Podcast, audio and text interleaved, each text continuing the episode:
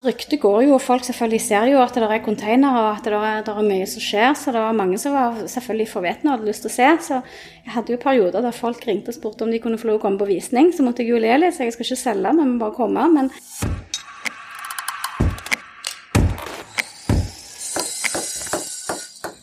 Velkommen til Oppussingsmodus, en podkast fra Bate som feirer 75-årsjubileum med å dele historier fra nabolag.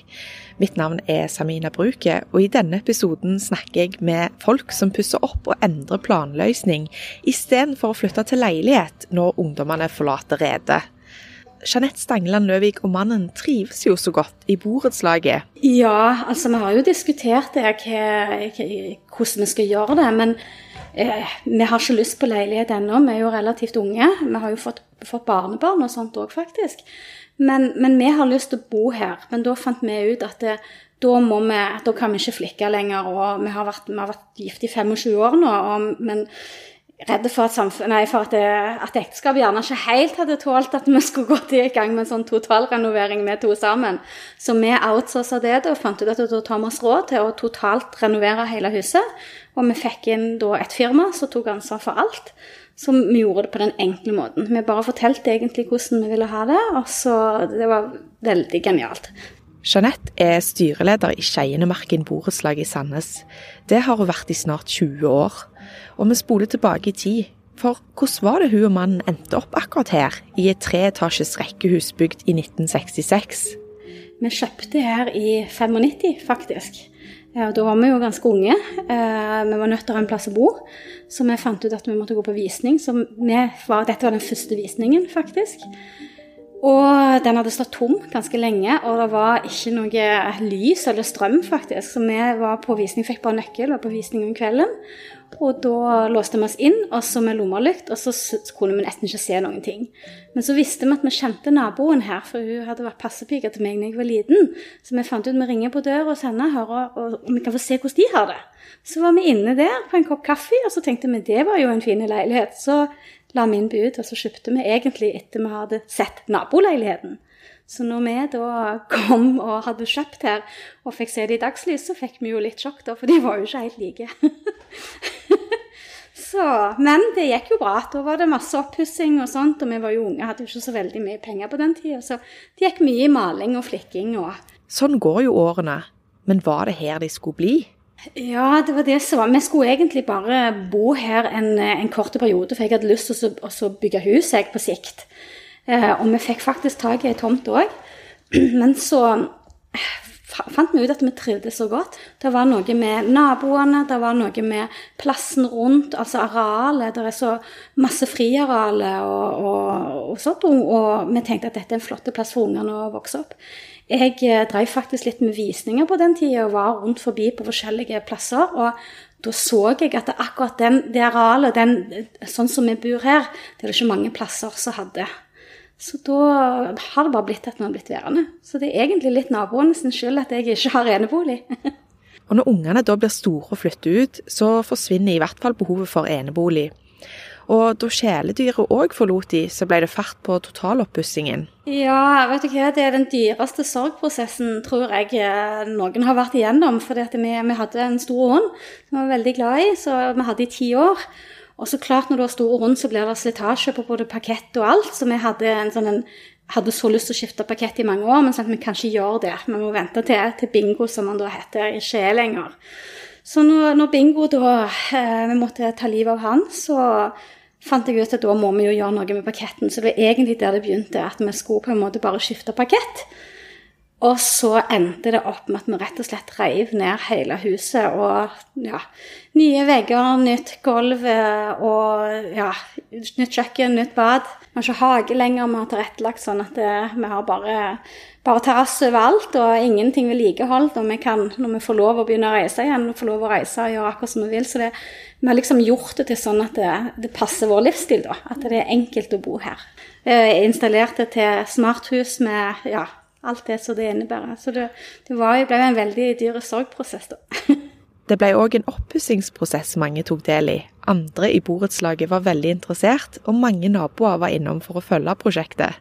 Det er, jo, det er jo noe med det der å få ideer og få inspirasjon, og, og det anbefaler jeg jo alle som bor i omtrent like, like hus og boliger å faktisk gjøre. For det at det, Eh, plutselig så får du en idé som du kan videreutvikle og gjøre til din likevel. Du trenger ikke gjøre det akkurat like sånn som naboen, men, men du, du, du, du, åpner liksom at du kan få gode og kloke ideer. Så det å av og til invitere på en kopp kaffe og så se på, se på planløsningen i leilighetene, det kan bare være spennende. Ja, du kan si det ble noen turer bort til Jeanette for å få litt sånn tips, da. Jeg var nok en av de som var ganske mange ganger. Dette er Tove Johansen. Hun var i samme situasjon som naboene. Dattera hadde flytta ut, og nå kunne huset tilpasses nye behov. Og her fikk hun se hvordan det kunne gjøres i et hjem som var likt hennes. For når jeg starta med, så hadde jeg ikke tenkt å ta, ta ut veggen og, og, ha helt åpen løsning. Jeg hadde liksom tenkt å ha bare en sånn barløsning. For jeg måtte jo ha igjen noen vegger til å henge opp litt forskjellige ting sånn. Men så var jeg borte her og så, og så var jeg jo overbevist. da. Men Jeanette hun hadde jo en stor kjøkken i forhold til meg, for jeg har på en måte Jeanette har større familie. Hun har masse bestikk.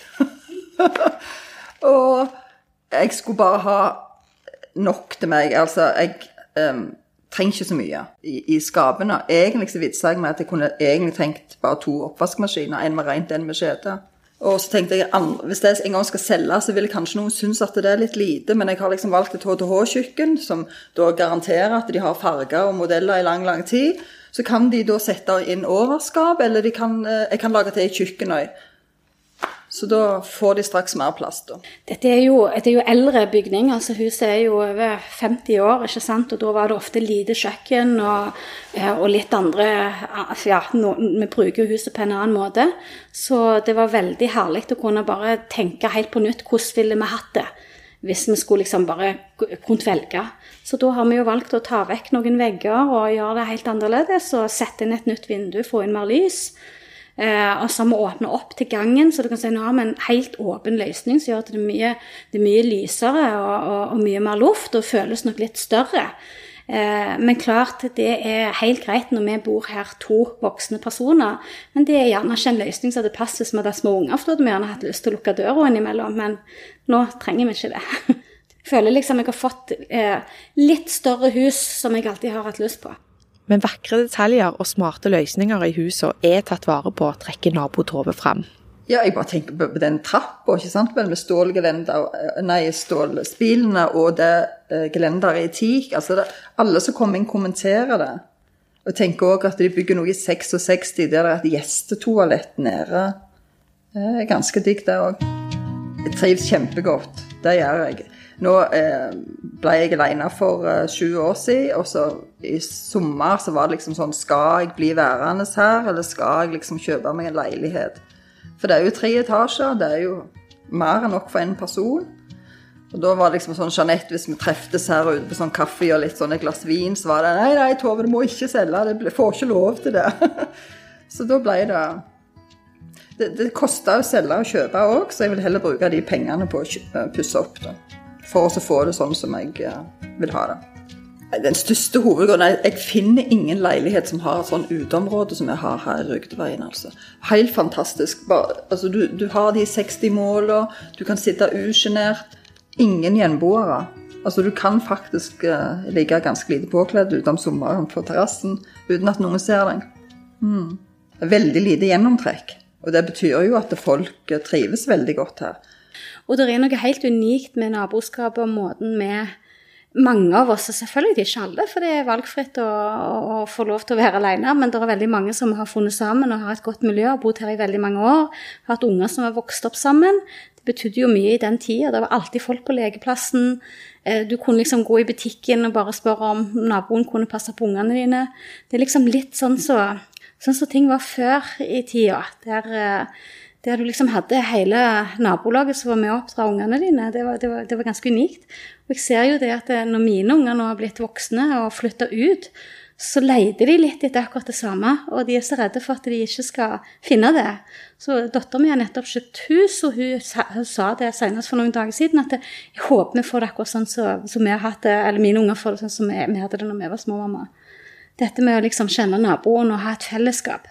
Jeg tror det er litt viktig. Og det har vi jo sett nå under koronaen, f.eks. at det, vi har ikke lov til å treffe folk, men har vært, vi har hatt treff ute i friarealet, ute i hagen til naboene, med god avstand, og så bare rett og slett for å få, få treffe, treffes. Og så drikke litt vin og kose oss gjerne rundt ei båltønne og sånn. Jeg vil ikke si det til noen at vi av og til drikker vin på mandagene, men det har skjedd, ja. og mange vinkvelder har de i vente.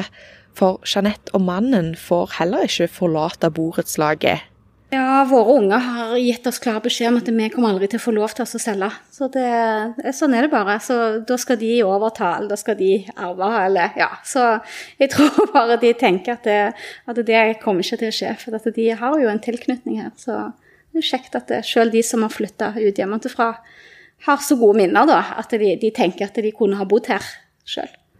Og den følelsen av å ha landa med både sted og oppussing er god. Jeg er ganske fornøyd med akkurat sånn som det er, faktisk. Så det er ganske herlig. Men så klart så fyker jo tida, så vet vi jo at det når og går, så plutselig så må du male på nytt igjen og sånt. Men det har vært ganske herlig å vite at jeg har fått gjort det skikkelig. At jeg liksom jeg har hatt et firma. Jeg vet at nå, er, nå har vi beinvegger og beingulv og alt er greit. Og garantien er der, ikke sant vel. Sånn at det, det som eventuelt skal være av ting som vi skal gjøre framover, det vil jo være såpass enkelt at det kan vi klare å gjøre sjøl. Det, det, det, er kjekt å komme hjem fra jobb, og det er kjekt å bo her, og det er kjekt å det er Godt og trygt. Ja.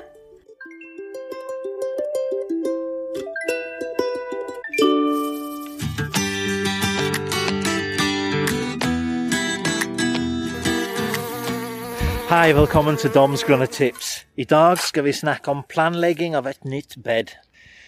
Hvis du har hørt på forrige podkasten, så har jeg snakket litt om uh, og gitt litt tips til nyhageeiere. Og en av disse punktene gjelder òg for når du skal planlegge et nytt bed. Det er viktig å ha kjennskap til hagen din. Uh, sollys, vind, vannsamling osv. Du kan ta en tur til den lokale planteskolen for å få inspirasjon om hva slags planter du har lyst å sette ned i et ny bed. Uh, du kan også bruke en fargehjul for å hjelpe med å bestemme hva slags farger passer veldig bra sammen.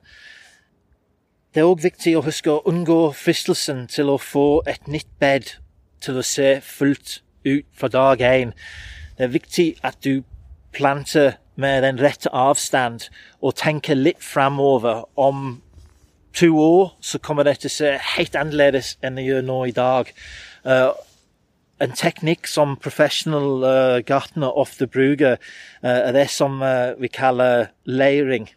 Og det vil si at du planter vekster lengst vekke som skal vokse høyeste, og de gir en slags backdrop til mindre, litt mer fargerik planter som du har nærmere hus eller plen eller sånn. På den måten så, så skaper du uh, depth i den nye bed, og det har en mye mer vakkert uh, utseende når alt er etablert og har vokst til. Det som er kult med blomsterbeder, det er din mulighet å sette din egen stil på hagen din. Du kan velge vekk eller bestemme litt sjøl hva slags fagespill du skal ha, hva slags plante du skal ha. Det er rett og slett din mulighet til å sette stempelen din, stilen din, i hagen din. Takk til Jeanette Stangeland Løvik og Tove Johansen for at dere delte oppussingshistorier fra Skeienemarken borettslag i Sandnes. Oppussingsmodus blir laga av Impress Publisering for Bate